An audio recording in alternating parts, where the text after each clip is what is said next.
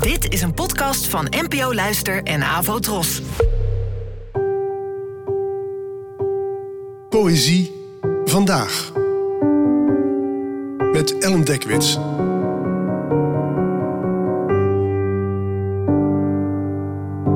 Hallo, fijn dat je luistert. Het gedicht van vandaag heet Polykliniek en werd geschreven door de Nederlandse dichteres Anna Enquist, geboren in 1945. Polykliniek. De scalpel.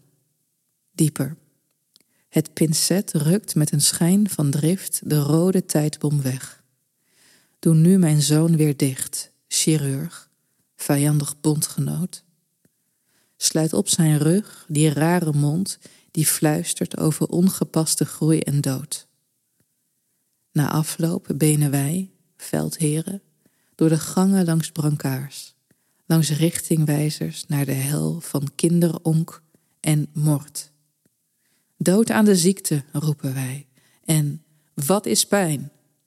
Scheurend ontploft het ziekenhuis als we weer buiten zijn.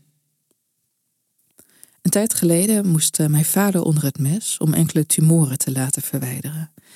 En het is natuurlijk geweldig dat de medische wetenschap hiertoe in staat is, maar ik betrapte me ook op enige woede, omdat mijn arme oude vader opengesneden werd. Uiteraard om hem te helpen, maar ik dacht natuurlijk ook van ja, pot voor drie mensen, blijf van hem af.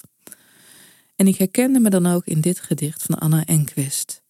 Mijn vaders chirurg voelde net zoals in dit vers aan als een vijandig bondgenoot. Ook toont dit vers heel sterk de woede die ziekte teweeg kan brengen, de machteloosheid. Het roepen van dood aan ziekte en wat is pijn, zoals er in dit gedicht tegen het einde wordt gedaan, zijn daarom voor mij herkenbare kreten.